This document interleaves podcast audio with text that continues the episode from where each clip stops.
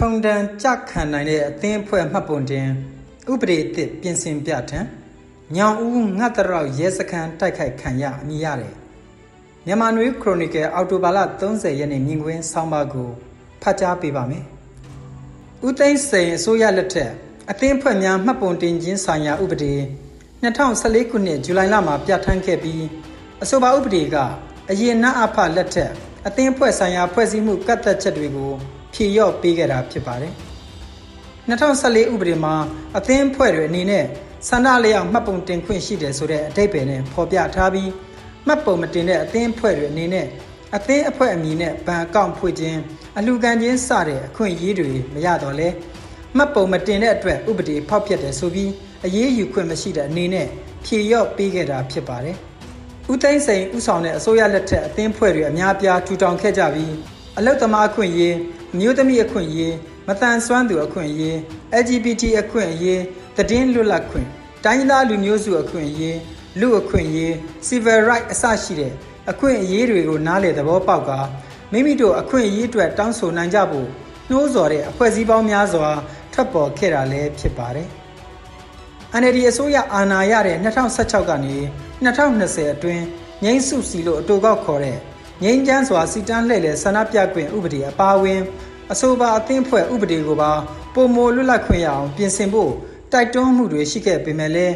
NLD ဆိုရလက်ထက်မှာထူးထူးခြားခြားပြင်ဆင်ခဲ့တာမရှိပါဘူး။မနစ်ကစစ်အာဏာသိမ်းပြီးမှတော့ဒီဥပဒေကိုပိုပြီးတင်းကျပ်ဖို့ပြင်ဆင်ဖို့လုပ်လိုက်မယ်လို့ယူဆထားတဲ့အတိုင်းအခုအချိန်မှာတော့အသင်းအဖွဲ့များမှတ်ပုံတင်ခြင်းဆိုင်ရာဥပဒေကိုအပိုက်လိုက်ပြင်ဆင်တာမျိုးမဟုတ်တော့ဘဲတခုလုံးကိုအစားထိုးတဲ့ အသင်းအဖွဲ့မှတ်ပုံတင်ခြင်းဆိုင်ရာဥပဒေ2022ခုနှစ်အနေနဲ့ပြဋ္ဌာန်းလိုက်တာဖြစ်ပါတယ်။ဒီဥပဒေမှာဘာသာရေးသာသနာရေးစီးပွားရေးအသင်းအဖွဲ့ကလွဲလို့ကြံတဲ့အသင်းအဖွဲ့တိုင်းမှတ်ပုံတင်ဖို့မဖြစ်မနေလိုအပ်ပြီးမှတ်ပုံမတင်ဘဲအသင်းအဖွဲ့လှုပ်ဆောင်ခဲ့ရင်ထောင်ဒဏ်3နှစ်ထိချမှတ်နိုင်တဲ့အနေအထားမျိုးကိုထည့်သွင်းရေးသားထားတာဖြစ်ပါတယ်။ပြည်တွင်းအသင်းအဖွဲ့တွေသာမကပြည်ပကလာရောက်တီထောင်ဖွဲ့စည်းတဲ့ နိုင်ငံတကာ NGO လိုအဖွဲ့အစည်းတွေလည်းအခုဥပဒေနဲ့အကျုံးဝင်မှာဖြစ်ပြီးအဲ့ဒီလိုဖြန့်ပြိုးရေးလူအခွင့်အရေးပြည်သူလူထုရပိုင်ခွင့်ဆိုင်ရာနှိုးကြမှုမြင့်တင်ရေးတွေလှုပ်ဆောင်မဲ့နိုင်ငံတကာ NGO တွေအနေနဲ့ပုံမတင်းကျပ်စွာချုပ်ကင်နိုင်မဲ့အနေအထားရှိတဲ့ဥပဒေကိုပြဋ္ဌာန်းလိုက်တာလည်းဖြစ်ပါတယ်စစ်အာဏာသိမ်းပြီးနောက်အများပြားသောနိုင်ငံတကာ NGO အဖွဲ့အစည်းတွေပြည်တွင်းကထွက်ခွာကုန်ကြပြီးအ ਨੇ ငယ်မျှသောနိုင်ငံတကာအဖွဲ့အစည်းတွေနဲ့ ပြည်တွင်းအဖွဲ့အစည်းတွေသာကြန့်ရှိပြီးလူသားချင်းစာနာမှုအကူအညီကလေးသူငယ်အခွင့်အရေးဆိုင်ရာအကူအညီအခြားသောနိုင်ငံခြားအခြားသောနိုင်ငံသားအခွင့်အရေးဆိုင်ရာအသိပေးနှိုးဆော်တဲ့လုပ်ငန်းတွေလုပ်ကိုင်နေကြသေးတာဖြစ်ပါတယ်။အခုထုတ်ပြန်လိုက်တဲ့ဥပဒေကအဲ့ဒီလိုပြည်တွင်းမှာလုပ်ကိုင်နေတဲ့အဖွဲ့အစည်းတွေကိုတိုက်ရိုက်ထိခိုက်စေမှာဖြစ်ပါတယ်။မြန်မာနိုင်ငံမှာတရားဥပဒေမစိုးမိုးဘူးလို့ရေပုံရအဖြစ်ဆိုကြတော့လဲပုံမပြင်းထန်တဲ့ပြည်တံသတ်မှတ်ချက်တွေပါတဲ့ဥပဒေ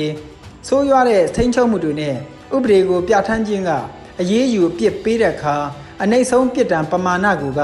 အခြားသောနိုင်ငံတကာစံနှုန်းတွေနဲ့နှိုင်းယှဉ်လိုက်ရင်အများကြီးဆိုးရွားတဲ့ပြစ်ဒဏ်တွေဖြစ်နေပြီးတရားစီရင်ရေးစနစ်ကရှော့ပေါ့တဲ့ပြစ်ဒဏ်ပေးဖို့မဖြစ်နိုင်အောင်ရည်ရွယ်ပြဋ္ဌာန်းလိုက်တာလည်းဖြစ်ပါတယ်။ဒီနေ့ဖို့အခြားသတင်းတစ်ပုဒ်ကတော့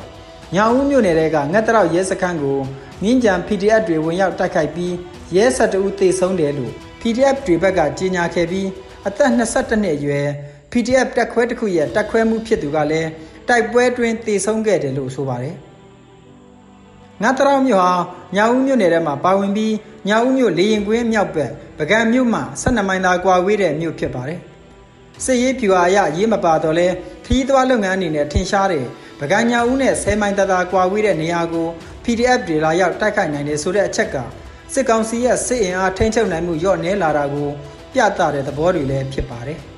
။စစ်ကောင်စီရဲ့ဝါဒဖြန့် Telegram တစ်ခုမှာတော့ PDF တွေဝင်စည်းစဉ်ရဲစခန်းမိသားစုကဒုရဲအုပ်တယောက်ရဲ့ကိုတန်းရွယ်သမီးဖြစ်သူကိုလည်းပြစ်တက်သွားခဲ့တဲ့ဆိုတဲ့သတင်းကိုဓာတ်ပုံနဲ့ဖော်ပြထားတာတွေ့ရပါတယ်။ညတရောက်တစ်ဖက်ကနေမြောက်ဘက်အနေငယ်ဆက်သွားလိုက်တဲ့အခါ AR မြင့်တဲ့တစ်ဖက်ကမ်းမှာပခုတ်ကူမြို့တို့ဖြစ်လို့မြင်းကြံပခုတ်ကူထိစပ်နေတဲ့ဒေသတွေက PDF လှုပ်ရှားမှုအားကောင်းတဲ့ဒေသတွေဖြစ်ပါတယ်2022ခုနှစ်မကုန်ခင်မှာပဲစစ်ကောင်စီကိုယ်တိုင်ကတော့တကွဲတပြားခုခံစစ်ဆင်နွှဲနေတဲ့ဒေသခံ PDF တွေရဲ့ထိတ်တရင်ဆိုင်မှုတွေကိုခတ်ဆက်စိတ်တွေ့လာကြရတာဖြစ်ပါတယ်စစ်ကောင်စီကသူတို့ရဲ့2008ခြေဥအောက်နဲ့စစ်အုပ်ချုပ်ရေးကိုအပြည့်အဝအသုံးချပြီးအရက်သားနဲ့သူတို့အသိမှတ်ပြုခံယူလိုတဲ့ပါတီအဖွဲ့အစည်းလူအတိုင်းဝိုင်းကိုနေမြေလိုက်ကန့်သက် ထိမ့်ချုပ်စိုးမိုးမှုငြိမ်ဝတ်ပြပြမှုကိုတိုးပြီးတိဆောက်လာနေပါတယ်စစ်ကောင်စီကိုတိုက်ခိုက်နေတဲ့ NUG နဲ့ကွန်ရက်တွေဘက်ကလက်နက်မဲ့ပြည်သူတွေကိုကာကွယ်ပေးမှုစောက်ရှောက်မှုဘေးကင်းရာသို့တိမ်းရှောင်နိုင်ရေးဆောင်ရွက်နိုင်မှုတွေနဲ့စစ်ကောင်စီရဲ့ငြိမ်ဝတ်ပြပြမှုခြိလန်းတွေကိုပြန်တွန်းလှန်နိုင်လိမ့်မယ်လို့ထင်မိပါတယ်ခင်ဗျာ။